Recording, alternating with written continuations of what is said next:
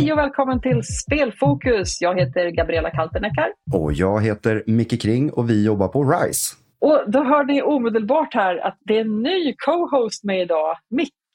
Yay! Och jag, jag blev påmind om ett jättekonstigt eh, avsnitt av Eldorado, som, alltså Sommar-Eldorado som fanns i radio på stenåldern då när, när vi var unga, Micke. Där det var du vet, en sån här ljud. Ja, tjenare, välkommen till Eldorado. Och i, in i studion här kommer ett brev, ett brev från Micke. Och då tänker jag, tänk om det var du. Det kunde ha varit du som skrivit brev till Eldorado. Har du gjort det någon gång? Vågar inte säga det. Det kan Just det där avsnittet med ett brev från Micke är sånt som har etsat sig fast i min hjärna av någon okänd orsak. Och så tänker jag att kanske du vet, kosmiska krafter har sammanstrålat oss på något vis. Så nu, du skickade en gång i tiden in ett brev till ett radioprogram och idag sitter du och jag och gör radio. Helt I underbart. ett nytt format. Ja, det var jag. Det var du, precis. Ja. Jag ville, det var dit jag ville komma. Det var, Det var jag. Jag erkänner. 30 år senare, 20 år senare, eller vad det nu var. Men Micke, jag tänker våra, våra lyssnare har ju hört dig som gäst i podden. Mm. Men jag tänkte för de som kanske har missat det avsnittet att du får presentera dig själv lite grann. Var kommer du ifrån? Ja, före... Eh, jag började jobba på RISE den första februari i år, så att jag är fortfarande väldigt ny. Jag har hört att man får glida på den mackan i typ minst ett år, men, men fyra och en halv månad tycker jag i alla fall man kan säga att man är ny. Innan dess så jobbade jag ett kvarts århundrade på en och samma arbetsplats. En skola i Stockholm som heter Årstaskolan. Jag är en av de här sista som, du vet nästan så guldklockan var där, men jag bommade den med några år. Eh, och på Årstaskolan så jobbade jag som IT-pedagog, var den sista titeln jag hade. Jag har haft typ sju titlar. Jag har varit musikpedagog och jag har varit nätverkstekniker, nätverksadministratör, IT-tekniker och så vidare. Och så vidare. Eh, varför det har blivit så, det kan vi ta ett annat avsnitt. För det är, det är en lite rolig historia och har mycket med politik att göra och sådana saker. Och eh, huruvida vissa titlar skulle få finnas kvar och så. Men så började jag jobba på, på RISE och sen så fick jag möjligheten att jobba med dig och med Björn i, eh, med spel helt enkelt. Och Olle också till viss del. Sådär.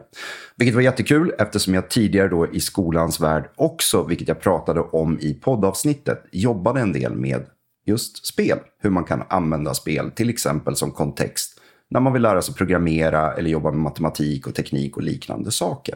Och Vi jobbar ju båda två på en avdelning då inom RISE eh, som heter Prototypande samhälle och på en enhet som heter livslångt lärande.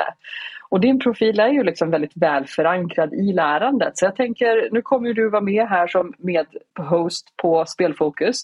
Att vi kanske ska kika lite grann på just det här med spel och lärande och hur det, hur det kan hänga ihop och hur, det, hur vi tror att det kommer utvecklas. Vi har ett gäng spännande gäster nu i sommar Mm. eh, som vi kommer att prata med. Eh, inte bara på, på ämnet eh, spel och lärande utan även som idag då eh, prata med en gäst som har tagit spelutveckling men inte gör spel för underhållningssyfte utan gör det vi kallar för serious games. Nämligen Jana Nykenen från Divine Robot i Malmö. Och vi ska strax välkomna Jana in i studion. Men jag tänkte, du som då ändå kommer från skolsidan, hade du någon kontext till serious games? För jag tänker spel och lärande är väl ändå liksom angränsande till serious games-labeln kanske man kan säga. Eh, det skulle man väl kunna säga. På vilket sätt använder ni spel i lärandet? Först och främst alldeles för lite, skulle jag säga. Men jag tror att i grund och botten så tror jag kontext har alltid varit en stor motivation när det gäller mitt eget lärande. Eh, att bara lära mig saker för sakens skull. Ni känner säkert alla till det här med varför ska jag kunna det här för? Jo, men det är jättebra när du kommer upp på mellanstadiet. Och sen när man frågar samma sak på mellanstadiet, men det är för att du måste ha det på högstadiet. Vi är lite för mycket sådär att vi, vi börjar introducera en skruv och en skruvmejsel istället för att man får titta på cykeln som man ska bygga först. Och spel kan vara så att man använder kontexten spel med poängsystem och alla de här bitarna. Och genom att då lära sig till exempel vad en variabel är så är det ganska enkelt att introducera det till exempel. Att ja, men det är för att vi ska ha någonstans att komma ihåg hur många liv du har och så vidare. Men också, tänker jag gamification, alltså den typen av angreppssätt hur man, hur man kan jobba med motiverande med lärande och just det här med direkt feedback och, och sånt som gör att vi sitter själva och spelar mycket och så. Vi vet ganska snabbt vad som är rätt eller fel och det motiverar oss till att vilja bli bättre. Eh, jag tror att det finns massvis med delar i, i, inom lärande som hör ihop med spel helt enkelt. Ja, men då får vi se vad Jana har att komma med eh, för input på den här sidan. Det ska bli jättespännande att höra till henne. Så ska vi välkomna henne in i studion? Det tycker jag vi gör. Men då säger vi hej och välkommen till Spelfokus, Jana Nykänen. Hej. Uttalar jag det rätt? Eh, Jana brukar vi säga i Sverige, men eh, finskt så är det rätt uttal. Välkommen, kul att du kunde vara med idag. Tack, kul att jag får vara med. Och Jana, du är ju VD för Divine Robots och vi tänkte ju introducera våra lyssnare som kanske i väldigt stor utsträckning jobbar med spel för underhållning. För hur ni har valt att jobba med spel och spelutveckling och vilken marknad ni vänder er mot. Så har du lust att introducera Divine Robot? Absolut. Eh, Divine Robot eh, startades för, eh, nu är det väl cirka 12-13 år sedan kan man säga egentligen i syfte att göra spel för underhållning till en början. Eh, det här var när App Store var ganska nytt för indieutvecklare. Man, vem som helst kunde komma in och göra ett spel och kanske till och med eh, bli framgångsrika den vägen. Så att, eh, eh det var faktiskt eh, en programmerare och en grafiker som tidigare haft företag ihop men som sedan tog upp kontakten igen i och med att programmeraren brukar alltid göra ett spel varje gång han lärde sig ett nytt programmeringsspråk. Så när han började lära sig Objective-C då för eh, iPhone så gjorde han ett litet spel och kontaktade då sin för detta eh, affärspartner, grafikern och frågade om inte han kunde göra grafiken till det här spelet. Och så kom Divine Robots första spel eh, igång. Och eh, vi gjorde ett antal spel. Jag var med på ett hörn där egentligen då eftersom eh, jag var den enda som var liksom gamer snarare och eh, mer än en grafiker och programmerare då. Och eh, hjälpte till med att designa banor och testa spel och hitta liksom, sätt att marknadsföra, hitta publishers och så vidare. Uh, och vi hade faktiskt en ganska stor framgång där ett av våra spel nådde tredje plats i App Store i USA. Så då trodde vi att vi aldrig mer skulle behöva jobba. Men uh, anledningen till att vi då egentligen gick från eh, spel för underhållning till spel för affärsnytta eller det man kan kalla för serious games. Det var väl egentligen en ganska lång historia men de här spelen som vi släppte då, de kom under en period då eh, folk fortfarande var beredda att betala 99 cent för ett spel och ladda ner det till sin telefon. Eh, men marknaden började ändras och det blev mer och mer free to play-spel, vilket innebär att man då också måste designa hela spelupplevelsen på ett annat sätt utifrån hur man monetiserar inuti spelet. Eh, och eh, vi kände väl inte att vi varken var duktiga på det eller var så intresserade av att göra det. Så att under en period gick vi över och designade istället barnspel eftersom eh, föräldrarna eh, kunde tänka sig att köpa ett spel eftersom eh, de gärna ville undvika att barnen skulle se reklam eller göra av med halva lönen på smurfbär eller liknande i in-app purchases. Så att, eh, då gjorde vi ett par sådana, men det är en ganska liten marknad just vad gäller barnspel. Och när vi sedan fick förfrågan från ett företag i en helt annan bransch om att hjälpa dem med spel för marknadsföring och kommunikation av sina produkter så hoppade vi på det och tänkte att vi nog skulle kunna styra om våra affärsmodeller lite grann och istället jobba med eh, spelutveckling och andra tekniker för affärsnytta. Och jag vet ju eh, ursprungligen hur jag kom i kontakt med, med dig och Divine Robot var att jag fick ett tips i samband med Borgeby fältdagar där ni hade ett projekt för en tid sedan, det var några år sedan nu, men det, det, det gränsar ju till min kära kollega Mickes eh, expertisområde här med VR och eh, var det lite AI med där också? Eller var det, är jag före min tid här nu? Jag kommer inte ja, ihåg. Nej, det skulle jag väl inte påstå utan det var väl i huvudsak ett VR-projekt. Men eh, det började som eh, faktiskt flera projekt har gjort för oss. Att eh, ett företag i en eh, helt annan bransch, i det här fallet då jordbruksbranschen, ville ha hjälp med att kunna kommunicera en patenterad teknologi som de hade tagit fram.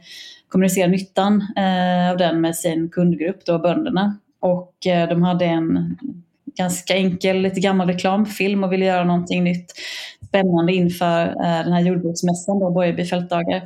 Så att vi skapade en VR, eller egentligen mixed reality-upplevelse där man, eh, de hade en traktor på plats. Man gick in och satte sig i den riktiga traktorn och hade ratten framför sig. Eh, men fick sätta på sitt VR-headset och köra ut på den virtuella åkern och få eh, demonstrerat för sig hur den här produkten fungerade då på det virtuella fältet. Av vad jag hörde så var det den mest besökta attraktionen då, om man säger så, under det året. Gav det några ringar på vattnet för er? Ja, alltså den, här, den blev ju populär och eh, ja, eh, lokaliserades till en mängd olika språk. Jag tror till och med det var så långt bort som Thailand eh, som just den här produkten eh, nådde inom den koncernen. Då. Och eh, ja, men det säger något också om eh, styrkan i VR och spelutveckling som medium att kunna eh, engagera publiken och, och skapa en eh, immersiv upplevelse eh, för att kunna kommunicera någonting på ett helt nytt sätt som man också tar till sig och kanske kommer ihåg till och med så här flera år i efterhand än om man hade läst i en manual eller tittat i någon liten broschyr eller så. Är det också det som ni presenterar som ett case på er hemsida? Eller just det finns, eh, ja, det såg helt fantastiskt ut. Det var superroligt. Jag satt och kollade igenom det där och tänkte att det är perfekt. Jag har ju sett flera typer av den här just med industri och VR. Och en sak som jag undrar, jag är väldigt ny in på det här med just VR. Hur ser ni, märker ni att det är liksom ett ökat intresse för tekniken? För jag tänker på, liksom som vanlig konsument så känns det som att det liksom bara har legat och puttrat sen, sen det börjar komma fram. Men jag tänker liksom när det är just den typen av serious games och att lära sig saker i, i liksom industrimiljöer och så inom VR. Är det någonting som är liksom verkligen på uppgång?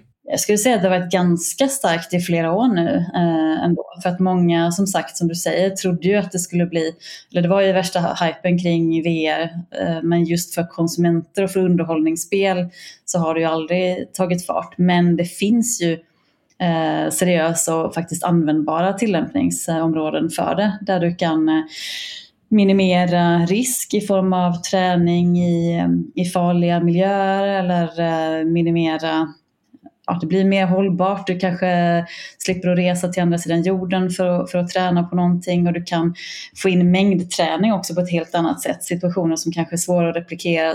Ta eh, antiterrorträning till exempel för polis eller militär. Det kan vara situationer som är väldigt svåra eller eh, som sagt till och med riskfyllda faktiskt att träna på att evakuera eh, stora fartyg till sjöss eller oljeborrplattformar, miljöer som är jättesvåra att eh, eh jobba i i, i, eh, i eh, verkligheten. Eh, kan man göra i VR på ett helt annat sätt. Så, så ja, det, det är starkt och jag vet inte om det är på, på uppgång just nu på sista tiden så men ju fler ju fler case man ser som är användbara faktiskt och ger nytta eh, till användarna desto viktigare blir det. Ja, men jag tänker också på det som eh, Petter Wanneberg som faktiskt är med i podden, en tidigare podd. Han jobbar ju med, mycket med XR i, på RISE här. Men han pratar ju också om det, det här med just att testa i farliga miljöer, om det är strålning eller någonting. Men också det som du nämnde lite grann, istället för att typ läsa en pdf med en instruktionsmanual, att man faktiskt får, nej men så här trycker du på knapparna, det är den här spaken du ska dra i och få öva det flera gånger. För att, att göra någonting som är kanske väldigt teoretiskt till någonting som man faktiskt taktilt och faktiskt få göra i den här liksom immersiva miljön. Precis, och där finns ju två väldigt stora fördelar med VR för den typen av träning. Å ena sidan då som sagt mängdträningen för att få in själva muskelminnet. Att ha gjort det så många gånger i en tillräckligt verklig miljö för att det ska sitta i ryggmärgen. Å andra sidan den emotionella upplevelsen man får i VR där det faktiskt liksom kunskapen bottnar. Jag menar om du läser en en manual att eh, nej, förbjudet att göra på det här viset för det kan orsaka all, allvarlig skada för liv och lem och så vidare. Men om du är i VR-miljön och liksom ser dig omkring och faktiskt får känslan av eh, hur på riktigt det är. Och det, det, kan väl du Gabriella vittna om eh, efter att du... Ja, jag tänkte precis berätta om det. Eh, jag, jag, hade ju förmånen att få besöka ert kontor i Malmö där ni hade en, eh, två upplevelser som jag tyckte var helt fantastiska. Eller, eller kanske inte fantastiska i, i den månen att jag faktiskt inte vågade genomföra övningen i det, i, i det ena fallet. Där ni hade byggt upp då en korg eh, som liknar då en sån här fönsterkorg som hänger på utsidan av hus. Eh, man går in i ett rum, man ser korgen, man går in och sätter sig där på en liten stol och så är det en planka då som sticker ut från den här korgen. Man sitter på marken, inga konstigheter. Men så tar man på sig VR-headsetet och så blir man då virtuellt upphissad då hundratals meter upp i luften. Du vet, ni borde haft lite fläktar och regnstänk och sånt där där inne också. Ja, och så ska man då, övningen är att man ska gå ut på den här plankan och ta en virtuell flaska champagne. Jag gillar champagne men jag kunde, jag kunde faktiskt inte komma upp från stolen. så, så feg är jag!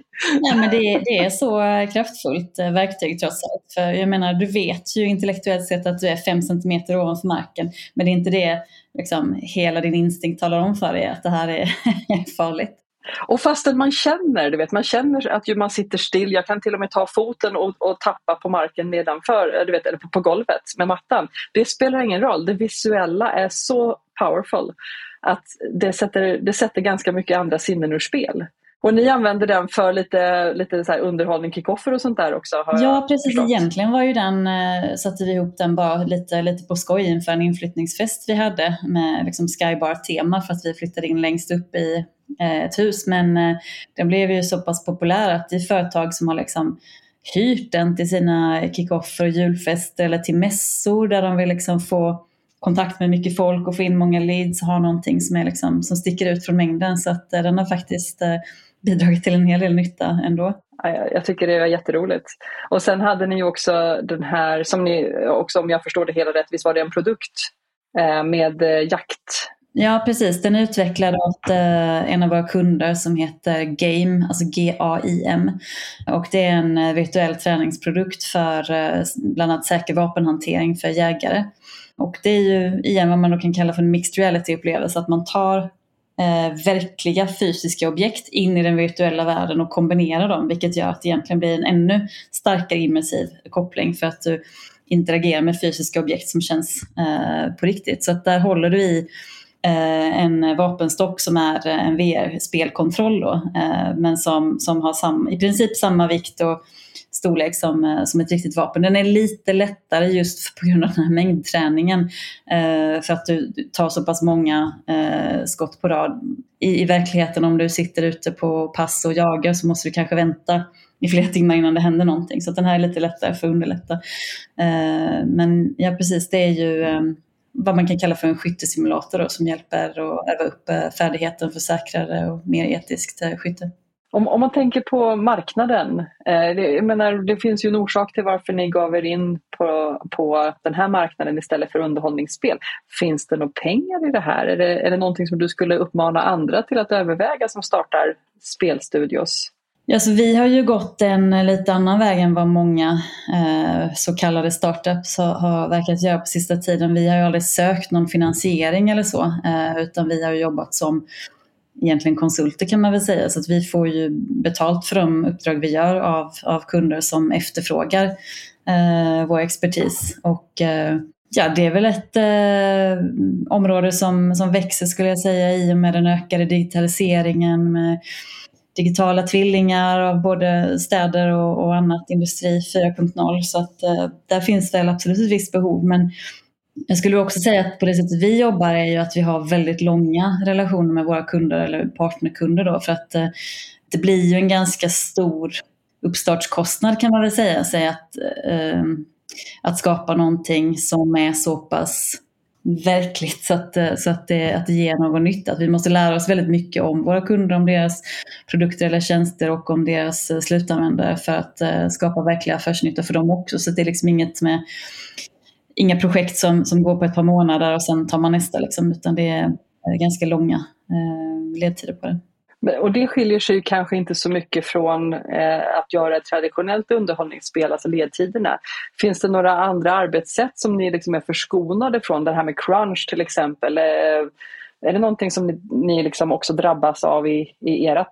Nej, jag skulle säga att vi, eh, vi försöker verkligen vara noggranna med att undvika det och planerar man sitt arbete väl så ska man ju i princip kunna undvika det. Det är klart att det alltid kan hända saker och att det kan bli ja, Eh, buggar eller problem nära leverans eller så men i regel så eh, har vi ingen crunch och det skulle jag säga i och för sig även inom spelbranschen i Sverige i alla fall så är det ju, har ju varit ett väldigt omdebatterat ämne men jag tror att det har synts mer i debatten än vad det faktiskt har synts på arbetsplatserna eh, överlag. Så att, eh, mm. Jag tycker en, en, en, sak som jag satt och funderade här på. Ni, um, om jag förstår det rätt så är det oftast kunder som vänder sig till er då och vill, vill ha hjälp med att skapa en, en eh, sån här immersiv upplevelse eller någon form av liksom serious game kring. Eh, till skillnad från att då, det är inte ni som bara hittar på ett spel och sen säljer det liksom så. Jag tycker det är så fascinerande, jag, eftersom jag är så ny på det här med VR. Jag tyckte jag hade koll på vad immersivt var och att jag förstod utan att ens ha testat tekniken. Nu erkänner jag det här. Eh, men jag fick ju lite samma, samma känsla när jag för då två månader sedan ungefär testade det. Alltså just känslan av att faktiskt vara på en helt annan plats. Jag tänker när kunder kommer till er, är det för att man har blivit lite så här, fasiken jag testade VR och det här skulle ju passa perfekt eh, att jobba med eller eh, liksom, hur, hur kommer de till, till insikten av att det är just till, eller någon form av XR-upplevelse de vill, vill uh, ha? Det är lite olika. Sen skulle jag väl i och för sig också vilja poängtera att vi är, eller vi kallar oss inte för ett VR-bolag. Vi gör vissa projekt som inte har någonting alls med VR att göra. Eh, vi försöker förhålla oss till teknikneutrala. Ibland kan det ju till och med vara så att en kund frågar efter en VR-upplevelse men efter lite djupare borrande så inser man att det inte kanske nödvändigtvis den bästa lösningen för, för deras eh, behov. Eh, men ja, det kommer kunder till oss av en mängd olika anledningar. Det kan vara Eh, företag som redan har testat lite VR-utveckling eller har någon prototyp på gång men de kanske inte har en egen avdelning inhouse utan de behöver hjälp med det. Eh, eller det kan vara att, att eh, man, lite, lite nytänkande, kanske man ska öka sitt arbete med digitalisering och inser liksom nyttan med spel som eh, kommunikativt redskap för att kunna engagera eh, sina användare. Eh, och som jag nämnde där med den här virtuella traktorn. Ibland kommer ju företag till oss av en anledning, för att de vill ha hjälp med kommunikation och marknadsföring av en produkt. Och sen visar det sig efter ett tag att ah, men vänta, det här kan vi också använda till att träna och utbilda antingen personal eller slutanvändare i produkten eller i systemet. Eh, så det finns liksom två sidor av det där, att man kanske upptäcker efter ett tag att det finns en större nytta med det än vad man eh, såg initialt. Och du sitter ju också med i styrelsen för dataspelsbranschen och är engagerad i liksom det större perspektivet dataspelsbranschen i Sverige. Eh, är det, eh, jag vet ju att ni har en mängd aktiviteter eh, som syftar till att stärka dataspel Sverige. Har ni något spår som du är speciellt liksom, engagerad i som gäller just Serious Games? Nej, men jag tycker det är intressant just med kopplingen spel och resten av världen om man säger, andra industrier och andra branscher. Eh, och när man kan se möjligheten med att tillvarata eh, kreativiteten och det digitala skapandet i helt andra miljöer, kanske i skogsnäringen, gruvbranschen, vad vet jag. Eh, just där man kan eh, ja, inse att man kan ha nytta av varandra. Liksom. Så det är, väl, det är väl något som jag tycker är i allra högsta grad intressant. Men eh, sen så har jag ju också varit lite engagerad i och med att vi gjorde barnspel en gång i tiden och jag var också en av fyra deltagare i en numera saligt insomnad podcast som heter Mamma Pappa Spel. Där vi var två mammor och två pappor som själva var gamers men också hade barn och var engagerade i frågor kring barn och spelande. Och det pratas ju mycket om, om skärmtid och de negativa effekterna av spel på barn och spelberoende och inte kanske så mycket hur positivt det kan vara och, och, vilka fördelar man kan ha i att, eh, att lära sig spel och, och den typen av färdigheter när man växer upp. Så att, eh, det är också något som jag brinner för. Får jag bara inflika där, för att eh, ni stod väl bakom, om jag inte har helt fel, Cottbot City? Ja, det stämmer. Och inom skolvärlden då så fanns det ju en, den är inte insomnad, den finns kvar fortfarande, men en sån här en härlig webbsida där, där skolmänniskor reviewade och tipsade om användbara appar när det kom som hette skolappar.nu. Um, ehm, och Kottbot fick ju väldigt, väldigt högt betyg där och är liksom där man kopplade också hur man skulle kunna använda apparna till då liksom just skolarbete mot läroplanen och så. så att, jag eh, kom i kontakt med er redan då, fast jag inte visste att jag tio år senare skulle sitta här och prata med dig. Nej, men det fanns ju en viss eh, tanke kring nyttan med de spelen också. De två spelen vi gjorde då, Cotbot City och Cotbot Farm, de riktade sig till en väldigt ung publik, nämligen 3 till 6-åringar. Eh, och det är ju ett ganska unikt sammanhang för att barnen är ju användarna men föräldrarna är konsumenterna, det är de som köper spelen. Så man måste ju skapa någonting som är tillräckligt roligt och underhållande för barnen för att de ska vilja använda det. Men för föräldrarna så måste det finnas någonting annat med det utan det måste vara utbildande på ett eller annat sätt, danande. Det, liksom, hur skulle vi ha det om barnen bara höll på med någonting som var underhållande? Föräldrarna vill gärna köpa in sig i någonting där barnen ska lära sig. Så att vi hade ett samarbete där med en pedagogisk utvecklare vid Lunds universitet som hjälpte oss att komma på koncept kring vad kan vara lärorikt men samtidigt väldigt roligt för barn i den åldern. Eh, och det hon tipsade oss om också var att barn älskar i den åldern just att få lov att gå lite utanför ramarna för reglerna men utan att bli bestraffad för det, utan att någonting farligt händer. Så till exempel hade vi i City som man kan kalla för en digital bilmatta, ni vet en sån där plastmatta man la på golvet och körde bilar på. Den, den är lite så fast på en iPad, att man lutar iPaden och kör fram och tillbaka mellan olika områden. Och där finns en soptipp så kan man köra in där och sen så eh, är tanken att man ska sopsortera. Det kommer ett bananskal, det kommer en tidning, man ska lägga det i rätt behållare. Sen kan man också släppa bananskalen i huvudet på sopgubben som står där och då blir han liksom lite arg och hötter med näven och grymtar. Det älskar barnen. Då tycker de det är jättekul liksom, att de har gjort något busigt men de får liksom inga minuspoäng eller någonting sånt. Men det är så när, när vi lekte med vattenballonger när vi var små. Det låter som att man är född på stenåldern ibland. Tänker jag när man, när, om det lyssnar några 20-åringar på den här podden så ber vi om ursäkt på förhand. Eh, vi, vi, är födda på stenåldern. Men vi lekte med vattenballonger och du vet, då smög man ju runt och, och du vet, kastade det, kanske dem framför fötterna på någon som gick liksom lite längre ner och så vidare. Det var harmless. Och så precis samma upplevelse. Ser du någon risk eller ser du det snarare som en möjlighet att vi nu gör det här digitalt? Tappar vi det här fysiska mötet med bussträck som ändå kan vara nyttiga i, i lärandesyfte? Jag skulle nog vilja påstå att det inte är skärmar och spel i sig som eh, är den stora risken där. Att det är det som gör att barnen är inne och undviker detta. Utan vad jag ser är ju att det har gått mer och mer mot eh, ja, ett samhälle där barnen kanske inte har så mycket dödtid och eh, går runt liksom själva i grannskapet utan det är ganska uppstyrt. Det är lite helikopterföräldraskap. Man ska köra barnen till olika aktiviteter. Det blir väldigt inrutat och uppstyrt. Här, får du, här leker man, här gör man si, här gör man så. Snarare än att ha det här lite mer öppna fältet eh, där man öppnar upp för liksom den typen av kreativitet. Nu kanske det är lite utanför dagens ämne men jag tycker det är, jag tycker det är jätteintressant. Mm, mm. Det finns faktiskt ett ställe i eh, England, jag kommer inte ihåg exakt var det ligger nu men de kallar det för The Land.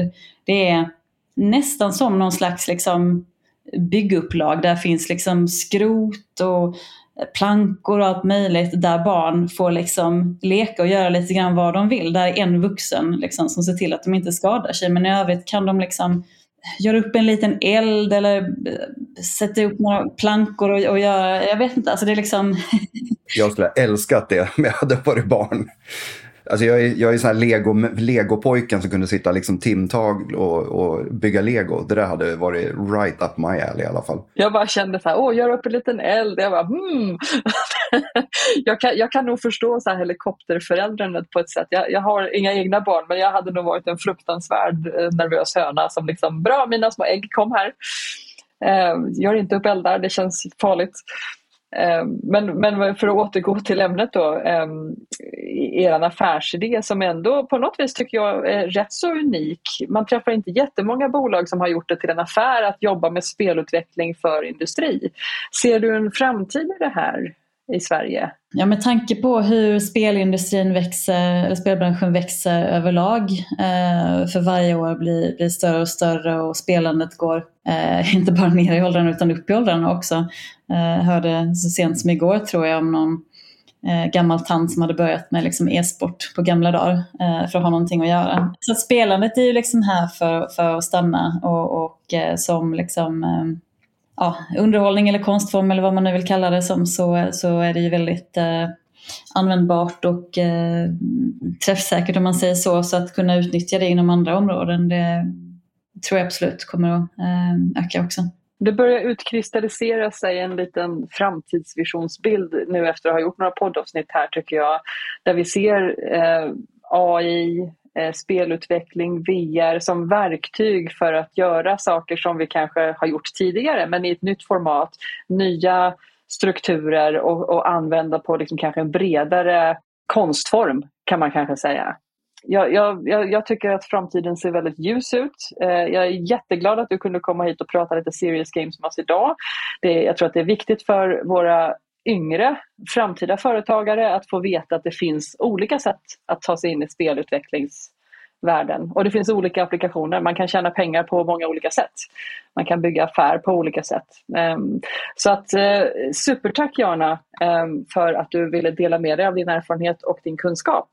Eh, jag ville bara anknyta till en sista sak innan vi börjar avrunda för tiden springer ifrån oss. Du sitter ju också med i Sydsvenska handelskammaren. Eh, så för en kvinna som är på väg in i näringslivet eh, så, så tycker jag att du har gjort väldigt många olika saker. Din resa till att komma dit där du är idag, var du tidigt liksom införstådd med att det här är den vägen fram jag vill gå? Var det här målsättningar för dig eller har det hänt genom att du har varit duktig på det du har gjort? Nej, jag kan absolut inte säga att det fanns någon tydlig eh, röd tråd i detta. Eh, jag efter gymnasiet. Jag läste humanistisk linje på gymnasiet. Jag läste en mängd olika kurser i humaniora. Jag jobbade på hotell och restaurang. Jag bodde i London i tio år. Eh, däremot, när jag var ganska liten, sex år gammal, så gick jag en datorkurs. Eh, och jag ville inget hellre än att ha en dator när jag var liten. Det fick jag dock aldrig. Men jag har alltid älskat spel. Så fort jag var hemma hos någon kompis och de hade en, en Commodore eller en liknande så försökte jag liksom få lite egen tid där. Eh, kanske när, om de eh, satt åt eller någonting och kunde jag passa på att spela eh, på deras rum. eh, så att eh, så småningom så eh, utbildade jag mig ändå inom eh, eh, ja, som ingenjör i eh, datateknik eller ja, programmering då. Eh, eftersom jag också haft stort intresse för språk, logik och liknande. Eh, så det var väl lite där det skedde ett skifte från det humanistiska till det tekniska kanske. Eh, sen var ju min man en av två grundare och delägare av företaget så det var lite där jag kom in på ett hörn eh, och började hjälpa till med spelen och eh, ja, började sedan som en naturlig del även jobba i företaget. Så att, eh, sen har väl det ena lett till det andra helt enkelt. Ehm, så absolut ingen så tydlig plan. Jobbar du fortfarande tillsammans med din man? Han är inte längre operativt verksam i bolaget utan han sysslar med lite annat nu. Så att, eh, ja, vi, vi sitter liksom inte och delar eh, kontor varje dag. Ja, men, ja, jätteintressant. Micke, några avslutande frågor från ditt håll? Nej, jag tror faktiskt inte det. Jag har fått eh, massa svar på de frågorna som jag hade redan. Så det har varit superintressant att lyssna på det i alla fall. Och eh, eh som nyfrälst VR-människa så har jag fått lite mera på min lyra. Och spela vidare med kan man väl säga. Och jag tänker ju att vi måste ta oss till Malmö för, så att mina kära kollegor också får testa er fantastiska champagnehämtar fönstertvätt upp i luften. Jag tror att det är lika underhållande att uppleva det här som att faktiskt titta på kollegor som upplever det. Ja men jättefint. Men då säger jag tack och välkommen tillbaka i framtiden förhoppningsvis. Tack. Ja du Micke, det var ett spännande snack med Jana. Verkligen. Och mitt eh, premiärsnack på andra sidan tillsammans med dig. Ja, hur har det känts? Som ja, men jättebra. host Spelfokus. Ja, nej, men det är jättekul. Jättekul att få vara nyfiken på folk. Det, det tycker jag är den största möjligheten. Och att få prata med alla de här fantastiska gästerna som ni säger, men som blir vi, men som faktiskt är med i den här podden. Och vi har ju nu planerat för lite sommarpoddsnack. Så du och jag mycket kommer ju köra här ett par veckor eh, framåt och vara med er i förhoppningsvis hängmattan i solskenet på stranden där ni kan få förkovra er lite grann över sånt som vi är nyfikna på. Men det är ju alltid välkommet med input. Har ni ämnen eller personer ni tycker vi borde intervjua så hör gärna av dig till mig eller Micke. Och Micke kommer ju vara med här lite grann nu eh, främst för att du är en fantastisk person och vi älskar att snacka tillsammans. Men också för att Björn kommer att eh, forska nu eh, på lite större intensiv tid. Så att vi, vi kommer vara en ohelig trojka som cirkulerar i etern. Men Micke, vad ser du fram emot att prata om i sommar? har du något hjärteämne som du känner att det där skulle jag vilja djupdyka ner i? Nu satte jag dig lite på pottkanten. Vad, vad, tänk, vad tänker du kring? Sätt mig i en kontext. Ja, alltså, det här avsnittet kommer ju att eh, gå ut i eten för oss då nästa vecka på onsdag den 21. Min födelsedag för övrigt. Oh! ja, så då kan ni skicka muffins, citronmuffins till mig på Rice adress i Kista. Tas tacksamt emot. Och idag så spelar vi in ytterligare ett poddavsnitt med några som heter Gaming Senior. Det ser jag fram emot. Det ska bli skitkul jag har ju alltid sett framför mig någonstans att, eh, du vet, jag kommer att vara en sån här opopulär panschis på hemmet som kommer kräva att ha min Xbox eller PS5 som säkert då kommer vara antik med mig och jag bara nej jag vill spela mitt Skyrim fortfarande efter hundra år eh, och, och, så kommer jag vara helt själv med det där men så kommer det inte vara. Det, vi är jättemånga som gamer som är i 40-50 årsåldern och det finns ju faktiskt folk då som är 60 plus som är jättestora inom e-sport till exempel. De ska vi snacka med i eftermiddag här. Det avsnittet kommer att komma lite senare i sommar men eh, hoppas att ni tunar in då, kära lyssnare. Men då tackar vi nästan för oss och så hoppas vi att få prata med er igen nästa vecka. Ja. Hej då Micke! Hej då Gabi!